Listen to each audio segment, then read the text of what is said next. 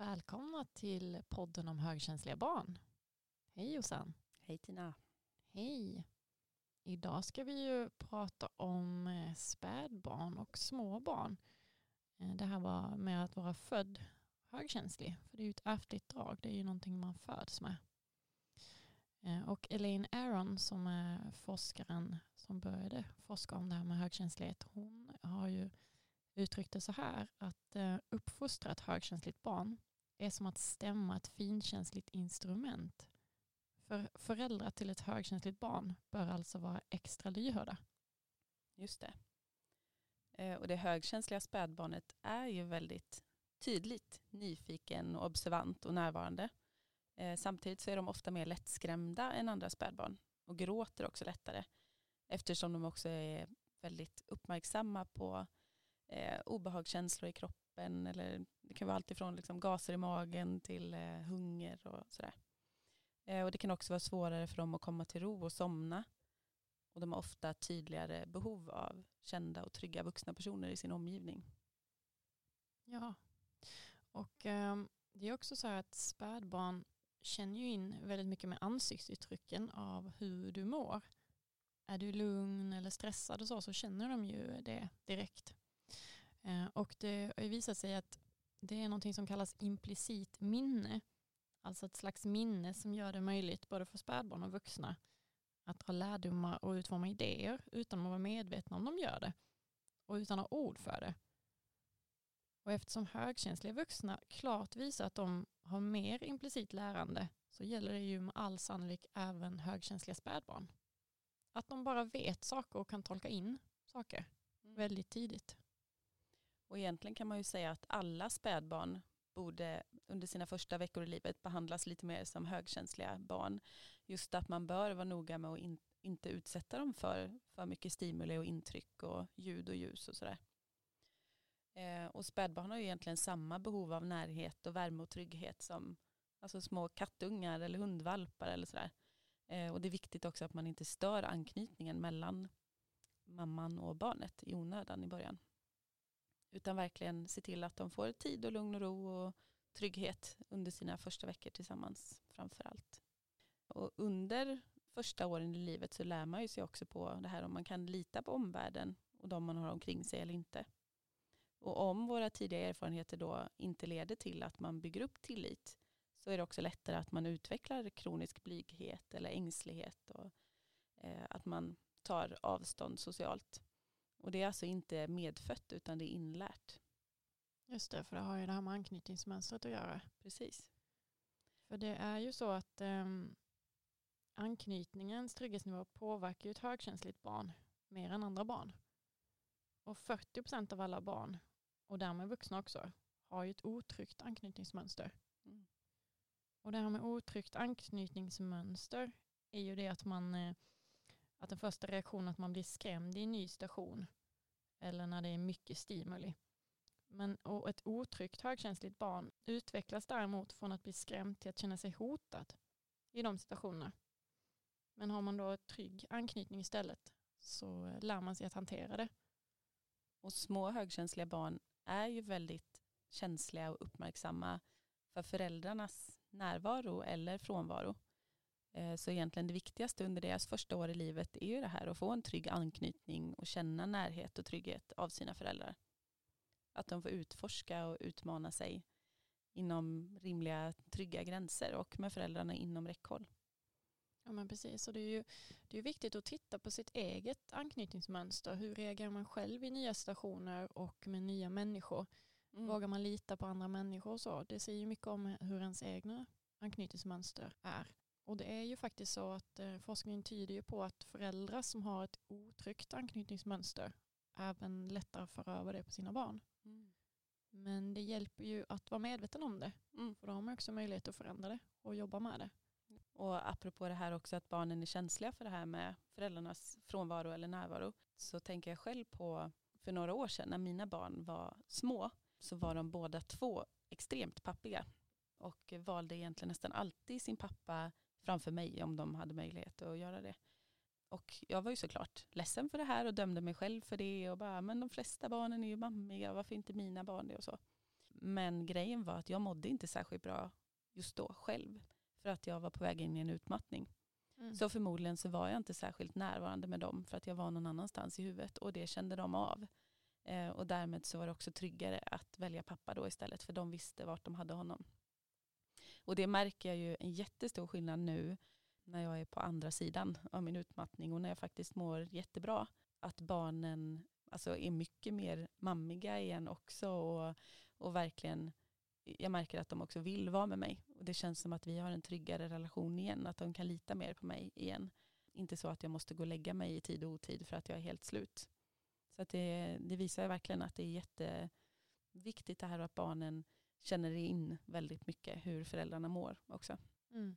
Och det egentligen det viktigaste är ju att man är, att man är i närheten och att man bekräftar dem och att man ger dem trygghet och att man finns där så att de kan, de kan komma och tanka kärlek och närhet och trygghet. Och det gör ju också att de bygger den här starka trygga grunden i sig själva att falla tillbaka på sen under resten av livet. Och det märker jag framförallt på mitt ena barn som alltid egentligen har eh, först och främst valt att vara med oss och göra liksom hushållssysslor och vad som helst. Bara liksom vi är tillsammans. Du sa att de var pappiga, mina har ju varit väldigt mammiga. Mm. Och det har säkert med att göra också en del att min man har ett arbete där han reste rätt så mycket. Just det. Så det var jag som var hemma alltid. Och eh, efter några år när det var jag som var iväg och eh, reste lite mer så var det ganska fint att det kunde ändras lite också att de helt plötsligt blev pappiga. Det Mm. tyckte han var mysigt. Mm. Ja men det är ju härligt faktiskt att få känna den känslan också. Ja och det här med trygg anknytning det är ju det att, att eh, en person med trygg anknytning räknar ju med att bli omtyckt och omhändertagen. Att den utgår ifrån det. Mm. Medan en person med otrygg anknytning inte gör det. Nej. Så det speglar ju väldigt mycket hur man möter världen. Och egentligen det viktigaste för att skapa en god relation till sitt högkänsliga barn det är det här att ha med sig sitt hjärta in i relationen och att man är äkta och ärlig inför barnet. För annars så märker de att det är någonting som inte stämmer. Så att det är viktigt att det man säger faktiskt stämmer överens med hur man pratar med sitt kroppsspråk och, och vad man signalerar med sina känslor också. Just det, det här, det här med känsloavstämning, att de väldigt väl kan läsa ut ju, hur, hur du mår och hur du har det. Och det är ju det är viktigt i alla åldrar, men speciellt så är det väldigt viktigt mellan 6 och 12 månaders ålder. Mm. Då läser barnen in väldigt mycket det. Jag tänker också det här, men var vi inne på anknytningsmönster, just eh, otrygga anknytningsmönster, så finns det två otrygga anknytningsmönster. Och det kan vara fint att känna till så man kan eh, ta reda på vad man själv hör hemma. Och det ena då är ängsligt upptagenhet kallar de det. Och det är ju det här att i barndomen att man är väldigt klängig och rädd och man är rädd att lämnas ensam. Och i vuxen ålder så då är man rädd att bli övergiven och inte bli älskad. Och att man nästan oavbrutet grubblar över sina egna relationer som man har. Det andra otrygga mönstret är undvikande. Att eh, det utvecklas när föräldrarna inte vill ha barnet i närheten. Att eh, de är försumliga och kränkande. Och ett undvikande spädbarn minimerar kontakten med sina föräldrar och kan då inte utforska liksom på ett avslappnande sätt eftersom alltid måste vara vaksamma på problem. Så det kan vara fint att känna till de här olika anknytningsmönsterna. Och det är ju inte lätt att få ihop det här. Eh, till exempel säger de att det kan vara viktigt att i början då eh, när de är små att det under de första två åren inte var eh, mer än några timmar borta från sitt barn eh, har jag läst i böcker och sådär. Och det kan vara svårt Okej. i dagens samhälle under två år. Alltså vi lämnar dem ofta på förskolan Mm. strax efter ett års ålder. Och sen så tänker jag också om man dessutom är högkänslig som förälder själv, då är det ju också ofta väldigt viktigt det här med återhämtningen och att man får lite eh, space. Och då, det är ganska tufft att ha någon på sig 24-7. Man verkligen behöver bara få ladda batterierna lite själv också. Mm. Men jag tänker där också att eh, det behöver inte bli någon otrygg anknytning om förskolepersonalen kanske är jättefin och tar hand om barnet på ett jättefint sätt och de känner sig jättetrygga där. Eh, så jag tror inte det Nej, man verkligen. har en god relation där. Så, Mm. eh, ja, men just det här, vi kan inte betona det nog hur viktigt det är att lära sig tolka barnets signaler. Och, och eh, ja, bara finnas där och inte vara så orolig för det här. Om du funderar över det här så har du förmodligen inte problem med anknytningen eftersom Nej. då gör du verkligen ditt yttersta. Mm. Eh, och jag tänker det här att erbjuda en öppen famn när de söker bekräftelse. Alltså det är de här små grejerna. Att eh, barnet söker ju ofta närhet när de behöver omsorg och trygghet och beskydd. Men eh, för att de ska få detta av oss vuxna så är det ju viktigt att vi själva är då i balans mm. med våra känslor, precis som du beskrev i ditt exempel. Och sen så är det också viktigt att man är lyhörd för när de vill ha närhet och när de inte vill det. Det finns ju de barn som inte vill ha närhet eller kroppskontakt alls. Och att man då, alltså redan när de är spädbarn, om man märker att de eh, blir ängsliga eller ledsna eller skrikiga eller sådär eh, i sociala sammanhang, att man inte skickar runt liksom, i olika famnar för att göra andra vuxna glada. Mm. För det kanske egentligen inte är någonting som barnet mår särskilt bra av.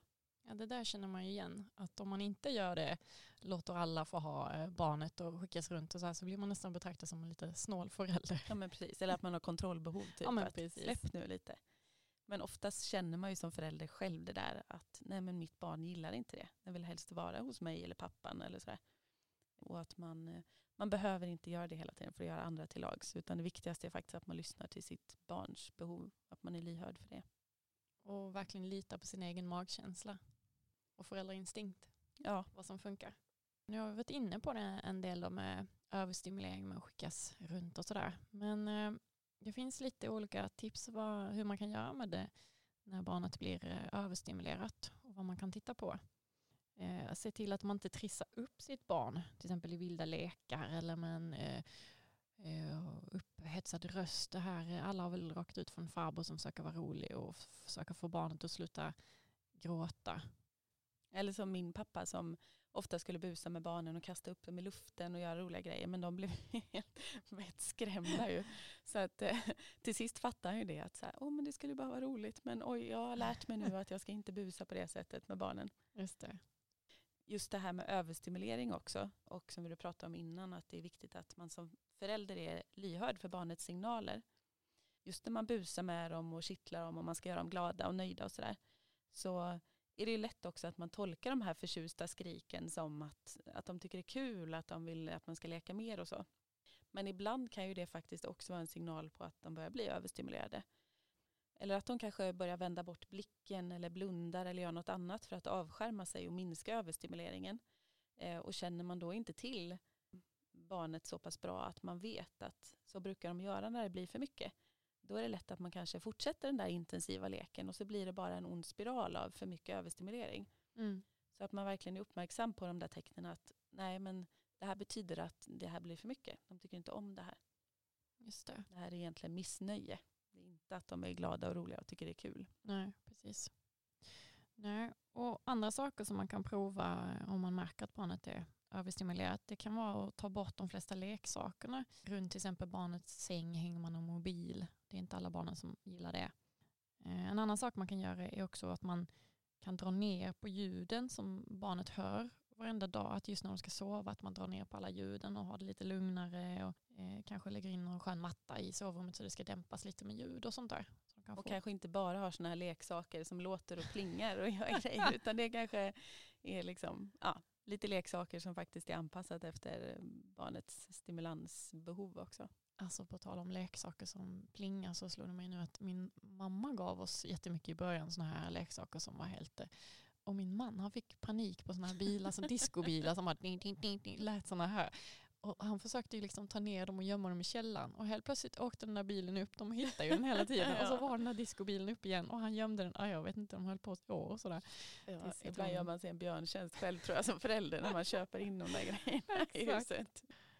Ja, nej, men en annan sak man kan göra är ju att skapa rutiner som bebisen verkar tycka om. Att man kanske gör eh, regelbundna saker. Eh, alltså att man har ungefär eh, måltider på samma tider och eh, eh, badar på samma tid och, och sådär. Så att det inte blir så mycket överraskningar under dagen. En annan sak kan man också göra om man känner att barnet verkar överstimulerat är att man kan prova att skära ner på eller sluta med utflykter eller gäster en period bara för att se om det, det kanske är överstimulerat. Och där kan det vara lite svårt. Jag som själv har större behov än vad du har att komma ut och göra grejer eller eller träffa folk, då kan det ju vara lite så. Hade jag vetat om det här att, eh, med högkänsligheten när jag hade småbarn hade jag nog minskat på aktiviteterna. Mm. Eh, och tänkt att för vem skulle jag göra det här egentligen? Mm. En annan sak kan vara att eh, just se till att man har mjuka, gosiga kläder, kanske av bomull, så att det inte är någonting som skaver eller sitter, eh, Eh, sitter på något sätt som bebisen inte gillar. Man kan också vara extra noga med att justera temperaturen i rummet och, eh, så att det inte blir eh, ja, men obekvämt för bebisen. Och likadant det här med att eh, badvattnet, att man har rätt temperatur på det. Och där kan jag dra mig till minnes att min dotter hon skrek varje gång vi skulle bada henne. Så skrek hon. Eh, och vi kollade ju, man, man läste ju på vad man skulle göra och vi kollade temperaturen, det var 37 grader och vi förstod inte varför hon var så himla ledsen och hatade att bada. Men sen när vi ändrade till 36 grader så älskade hon det. Mm. Så förmodligen var det ju bara det här att hon tyckte det var för varmt helt enkelt. Just det. Um, och det kan de ju skriva till i den här broschyren att man kan säga olika bebisar gillar olika temperatur på badvatten. Ja, kanske inte måste man som första, första gångs förälder och vet inte, sliter sitt hår. och på tal om vatten så hade vi också, vi provade babysim med första barnet. Och, ehm, och då var det så att Alltså vår dotter älskade babysimmet. Alltså hon var helt tokig när hon kom ner i vattnet och bara vifta och med armarna och så här. Och, ehm, och till och med den här instruktören tog alltid henne och visade för hon var så sprattelgubbe i vattnet och så här. Men sen tog det 20 minuter och det här passet var det 40 minuter eller någonting. Men det tog 20 minuter och sen skrek hon bara. Och, och vi kunde aldrig vara med på slutet. Det var en sån här björnen sover så skulle man vagga runt dem där i vattnet på slutet. Alltså hon bara skrek och vi eh, vi fick liksom i panik bara packa ihop där och springa ut ur badhuset. Men vi förstod ju det efter ett tag att okej, okay, hon var ju definitivt överstimulerad. Hon tog ut sig totalt 20 mm. minuter och sen var hon färdig. Sen var det bra med det. sen var det bra med det. Ett annat eh, tips som man också kan eh, ta är ju det här med att, att bära bebisen mot kroppen. Det är vissa som gillar det här med bärsele. Eh, jag hade den här babybjörn på magen först. Det gillade mina barn. Det har faktiskt gjort studier på det där med bärselar och grejer. Jag tänkte bara skulle nämna det att eh, det fanns en studie då där eh, nyblivna mammor antingen fick bära sina barn två timmar extra om dagen eller så fick de öka barnets visuella stimulering varje dag. Alltså två olika kontrollgrupper. Och vid sex veckors ålder så grät de bruna bebisar en timme mindre om dagen än bebisarna som fick stimulans. Så att eh, ha bebisen nära dig lugnar ju definitivt ditt högkänsliga barn. Mm. Och minskar liksom en viss överstimulering som kanske beror på rädsla och så. Just det. Och framförallt kanske att tänka på i väldigt stimulerande miljöer när det är mycket rörigt och mycket folk runt omkring och så kan det vara mm. fint att ha bärselor på. Och några fler tips då kring det här med eh, små högkänsliga barn. Alltså mycket handlar ju egentligen om att minska eh, intrycken och risken för överstimulering. Eh, och då är det ju framförallt då att man ska hålla sig inom synhåll så att barnen tryggt kan få utforska med, med föräldern i närheten. Eh, och så testa dig fram utifrån din egen känsla om vad som skulle funka och vara lyhörd för barnets signaler. Det är lätt att gå för mycket på alla de här eh, böckerna och tipsen och BVC och allt vad man får höra. Men eh, det är det här som vi har sagt förut också, magkänslan, den är viktig. Och så undvika skärmtid till små barn, alltså de blir lätt överstimulerade. Mm. Och det är lätt är ju i dagens eh, Sverige att man eh, tar till skärmtiden för att vila. Eh, men man vilar ju inte gärna, man vilar ju gärna på ett sätt men eh, man får ju ändå mer stimuli med skärmtiden mm. att visa återhämtning på ett annat sätt ibland.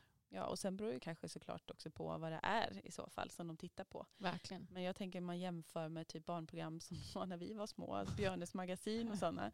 Det är lite annat tempo ja. kanske i dem än vad det är i många barnprogram som är nu. Verkligen. Eh, så att eh, begränsa men i så fall väldigt kort tid och ha koll på vad det är för någonting. Ja men precis, det finns ju jättemycket bra barnprogram också. Så mm. det är ju... Men verkligen. Och sen alltså, är det så pass små barn så kanske de inte kollar på barnprogram på det sättet. Men eh, det är bra att ha lite koll på det i alla fall. Mm. Och så ge barnet ställtid att vänja sig vid nya situationer. inte gå att bryta för snabbt mellan olika aktiviteter. För det kan också leda till överstimulering. Att de inte hinner landa liksom i det nya. Och vara noga med sömn. Högkänsliga barn är känsligare för sömnbrist. Eh, och med sömnbrist så ökar kortisolnivåerna vilket också leder till mer stress. Mm. Så att prioritera sömn. Och ha tålamod eh, gällande det här med eventuell kräsenhet kring mat och sådär. Ofta gillar inte högkänsliga barn om man blandar ihop maten och att allting blir liksom en enda röra. Utan eh, det ska gärna se också lite mm. trevligt ut och att de ser vad som är vad. Så att eh, där kan man behöva vara lite medveten om det också. Jag vet att jag ställer ganska höga krav på mig själv vid första barnet. Det här med att laga all mat. Ja, ja, och liksom det skulle vara, extra, det skulle vara liksom alla rätta ingredienserna i. Och, ja, det hade jag nog kunnat tagga ner lite. Mm. Det var inte riktigt samma med andra barnet kan jag det känna. Var inte det. jag hade sänkt min ambitionsnivå. Ja, samma. Det, man hade inte lika mycket tid. Nej, verkligen. Och sen som vi sa förut också, välja ut leksaker som är lagom stimulerande. Och det kanske inte behöver vara liksom 50 leksaker på samma ställe. Det kanske kan vara några stycken som de kan få utforska åt gången. Så kan man byta. Precis, och allt behöver inte låta och blinka. Nej. Och skapa gärna en lugn mysvrå eller vilovrå. Kanske någon sån här lite tält eller något man kan krypa in i där man kan bara ligga och mysa lite. Det kan vara väldigt fint att kunna ha något sånt att tillgå. Och vara uppmärksam på barnets signaler om överstimulering. Som vi pratade om förut. Kanske är att de vänder bort blicken eller blundar eller att de blir eh, mer lätt upprörda eller skriker och gråter mer och sådär. Ehm, det kan faktiskt handla om överstimulering också. Mm. Och sen gillar högkänsliga barn inte oftast att bli blöta och kladdiga och sådär. Ehm, så att man är noga med att byta kläder direkt. Alltså så, så fort som möjligt. Mm. För det kan också skapa obehagskänsla. Jag tänker på en annan sak också. Ehm, vid överstimulering att vagnen kan vara en bra grej. Att bara, just när man lägger ner dem i vagnen så ser de ju mamman eller pappan mm. eller föräldern eller vem det är. Eh, och det blir ju väldigt tryggt att bara ha den i blickfånget och så vaggar det och lite. Mina barn har älskat att åka vagn så det funkade ganska ofta i alla fall. Mm. Högkänsliga barn kallas ju ofta för orkidébarn. Och de är ju precis som orkidéer känsliga för omvårdnad och omtanke och miljö. Och det har ju en avgörande betydelse för hur de utvecklas och blommas ut under livet. Och det är ju därför man kallar dem ofta orkidébarn. E Just det. Och högkänsliga barn som växer upp i en miljö där de blir sedda för dem de är och förstådda och där de har en lagom bra balans mellan stimulering och återhämtning. De har väldigt goda förutsättningar för att leva ett lyckligt och friskt och bra liv. Och deras potential slår ut i full blomning Eh, och de kan till och med ofta vara friskare och lyckligare än andra barn som inte är högkänsliga. Mm. För de njuter ju mycket starkare också av eh, Just det. saker. Tar ju till sig alla härliga eh, små nyanser mm. också av det som faktiskt eh, är vackert och härligt och Precis. fint. Förundras mm. av saker. Och när högkänsliga barn däremot växer upp i stressade och dysfunktionella miljöer där de ofta hamnar i liksom sitt hotsystem och känner sig rädda så aktiveras nervsystemet ännu starkare än hos andra barn och de kan lätt drabbas av en inre stress som till och med kan vara skadlig i det långa loppet. Och den stressen under lång tid och under uppväxten kan göra att man också får en ökad risk för att drabbas av psykisk och fysisk sjukdom. Mm. Och forskning visar ju att risken att utveckla depression är fyra gånger så stor hos en högkänslig person om den har haft en svår uppväxt. Och risken är däremot lägre än för icke högkänsliga om den högkänsliga personen haft en trygg och stabil barndom. Så det har ju väldigt stor betydelse. Och när dessa barn inte blir sedda för dem de är så blir de ju ofta överstimulerade utan att hämta tillbaka sig själv igen. Och det resulterar ju ofta att de får en dålig självkänsla. Då drar de ju ofta också slutsatsen att det är de själva det är något fel på, att världen är en läskig plats att vara på. Och det finns ju någonting som kallas fördelkänslighet och det är det här med att högkänsliga barn som växer upp i en trygg och stabil miljö, de tenderar ofta att vara friskare och lyckligare än andra barn, precis som du var inne på. Och dessutom är de mer benägna än andra att dra fördel av det som är positivt i deras omgivning, som vi var inne på. Och det gäller även eh, stödinsatser och förebyggande arbete och kärlek och uppmuntran och beröm och goda råd. Och just med vad viktigt det kan vara med en eh, bra pedagog i skolan eller en eh, stödjande mor eller farföräldrar för de små Mm. spädbarnen. Och föräldrar också såklart. Ja, givetvis. Um, alltså vi önskar ju egentligen båda två att vi hade vetat om det här med högkänslighet när vi blev föräldrar första gången. Ehm, vi tror att det hade varit mycket lättare för oss att hantera den omställningen då och utmaningarna och alla orosmoln som kom. Både för våra, vår egen skull eftersom vi själva är högkänsliga och för att kunna förstå våra behov och reaktioner bättre Eh, och inte döma oss själva så hårt som vi faktiskt ibland kunde göra. Ehm, och sen också för att kunna förstå våra högkänsliga barn bättre. Mm. Och några av fördelarna med att vara högkänslig förälder är att man lätt kan känna in och tolka och förstå de här mer subtila signalerna från sitt barn gällande de primära behoven som sömn och mat och sådär. Jag kommer ihåg när jag blev förälder för första gången då för sju och ett halvt år sedan så tyckte jag att det var väldigt läskigt och överväldigande att få ett så stort ansvar. Mm.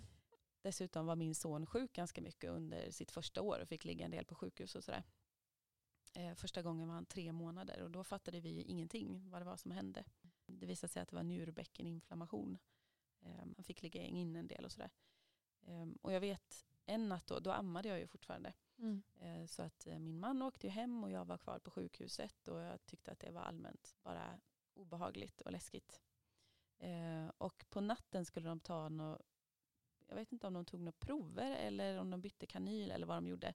Det var något uppe på huvudet i alla fall på honom, på eh, min son då. Och han blev så tokledsen, jag tror de var tre sköterskor eller någonting som skulle hålla i honom och fixa det där. Och han skrek och grät och mina tårar bara sprutade. Och jag bara kände så här, det här klarar jag inte av. Jag vill Mm. inte vara ensam i det här. Vi är lika mycket föräldrar båda två. Jag ringde tillbaka min man och bara, jag skiter i att man egentligen bara får vara en förälder här. Du får komma hit. För jag kände att det var så himla stort ansvar att ha själv. Och sen en annan sak som jag kommer ihåg väldigt tydligt, eh, framförallt under de här första två åren då innan vi fick vårt andra barn, var alltså att vi hade väldigt mycket tjafs om det här med vem som skulle få egen tid. Mm. Och jag vet att man kan höra ibland så här, varför skaffar man barn om man inte vill vara med dem? Eller egen tid är bara ett fult ord och det är bara själviskt. Och det har alltid skapat så himla mycket skam och skuld i mig när jag har hört det. Mm. För jag har känt lite sådär, vad är det fel på mig? Alltså, jag vill ju vara med mina barn. Mm. Men för mig är egen tid lika viktigt som att typ äta och sova. Alltså jag, jag skojar inte. För mig, jag måste verkligen få ladda mina batterier och bara få ha min, mina egna tankar och min egen energi för mig själv ett tag. Det tror jag verkligen många högkänsliga känner igen sig. Mm. Jag gör det definitivt. Ja, Men eller hur? Det har ingenting med att göra att man inte älskar sina barn. Nej. Och det är därför jag kan bli så upprörd ibland när man läser sådana grejer i olika föräldratrådar eller i tidningar eller vad det nu kan vara. Liksom. Mm. Sådär, ja, men varför ska man skaffa barn då? Och du är ju din bästa version av dig själv om du får tid att återhämta dig också. Helt klart. Jag är Mm. så mycket bättre mamma om jag faktiskt får ge mig själv liksom, den näringen och återhämtningen som jag behöver först. Så tänk om du faktiskt är snäll mot dina barn när du tar din tid för återhämtning. Mm. Och du gör Nu dem en ser jag det tjänst. mycket mer så, men Mm. det, det tyckte jag var tufft som sagt i början. Mm. Och då visste jag inte dessutom att jag var högkänslig. Ja, precis. Ehm, så att, eh, då undrade jag mycket liksom, vad det var som, som gjorde att jag kände så. Så då var det mycket tjafs mellan mig och min man. Att säga, men jag behöver faktiskt vara själv nu. Och, ja men jag behöver ju det, sa han. Mm. Ja men jag behöver det mer. Alltså så. Men sen, det landade mer sen faktiskt när vi fick vårt andra barn. För då hade vi liksom alltid någon, något barn att hålla reda på. Eh, och då, då hittade vi mer rutiner och fick mer ordning på det där. Och då, då blev det föräldraskapet mycket lättare överhuvudtaget. Sen har jag ju alltid jämfört mig väldigt mycket med andra och känt mig fel för att jag inte orkar lika mycket som andra och sådär och inte klarar av lika mycket. Och jag vet att jag ja, men under första två åren kanske där fick ganska mycket hjälp av nära och kära just för att jag skulle kunna få den här återhämtningen själv och så. Så kanske de hämtade någon gång på förskola eller eh, kom och passade en stund så jag fick lägga mig och vila eller sådär. Och då vet jag att jag berättade det för en annan närstående och fick då till svar att jaha, ja okej, nej men jag har inte behövt någon hjälp. Och jag kände mig så fel. Mm. Jag kände mig så dålig Mm. som behövde den där tiden själv. Och att jag, jag var på um, någon sån här sångstund någon gång i kyrkan tillsammans med en, en annan mamma då som jag hade lärt känna. Och mitt barn ville bara vara i mitt knä och ville liksom inte alls egentligen tror jag få så där mycket stimuli som det faktiskt blev på en sån sångstund med massa nya barn och föräldrar och det var mycket så. Eh, och ville sitta hos mig och blev ledsen och orolig och sådär. Och då fick jag höra från den här andra mamman då som vi var där tillsammans med att ja, ja ni träffar inte så många andra va? Det märks ju eftersom han blir så ledsen. Eh, och jag vet när jag körde hem därifrån så grät jag hela Ja. vägen hem. Mm. Jag grät och grät och bara, gud jag är så dålig mamma som inte är ute och socialiserar mer för att vänja mitt barn vid det Mm. här. Vad har jag Mm. gjort liksom? Stackars ditt barn. Ja men exakt, stackars mitt barn. Men eh, sen ju mer jag blev trygg i mig själv och ju mer jag lärde mig liksom, förstå mitt barn och sen ännu mer nu när jag vet om det här med högkänslighet så känner jag bara så här, fy fasen vad bra att jag litade på min magkänsla. Mm. För det här var ju faktiskt bäst för honom med. Han, han ville ju inte liksom, ha allt det där andra. Men jag tror att vi var första och enda gången på öppna förskolan när han var typ ett år. Och då tyckte han att det var kul att gå runt och utforska när jag satt liksom i närheten och fanns där som trygg punkt. Men han behövde inte allt det där andra. Liksom. Men jag kände in och hörde mycket av liksom andra föräldrar som ja men vi är på babysim och vi är på babycafé och vi är, är på öppna förskolan och du vet så och jag bara kände så här jag vill inte allt det där jag vill vara hemma bara ensam med min lilla bebis liksom. Mm. Jag har inte behov av att träffa nya människor varje dag och som sagt jag gjorde mig väldigt fel för det. Men nu kan jag verkligen känna att vad skönt att jag litade till vad jag kände och att det faktiskt visade sig vara bäst för honom också. Vad skönt att du känner så nu. Hur var det för dig där i början som nybliven mamma? Men jag, jag känner igen jättemycket det här med babyfika och BVC-grupper och sånt där. För det funkar inget vidare bra för oss heller. Det gjorde inte det?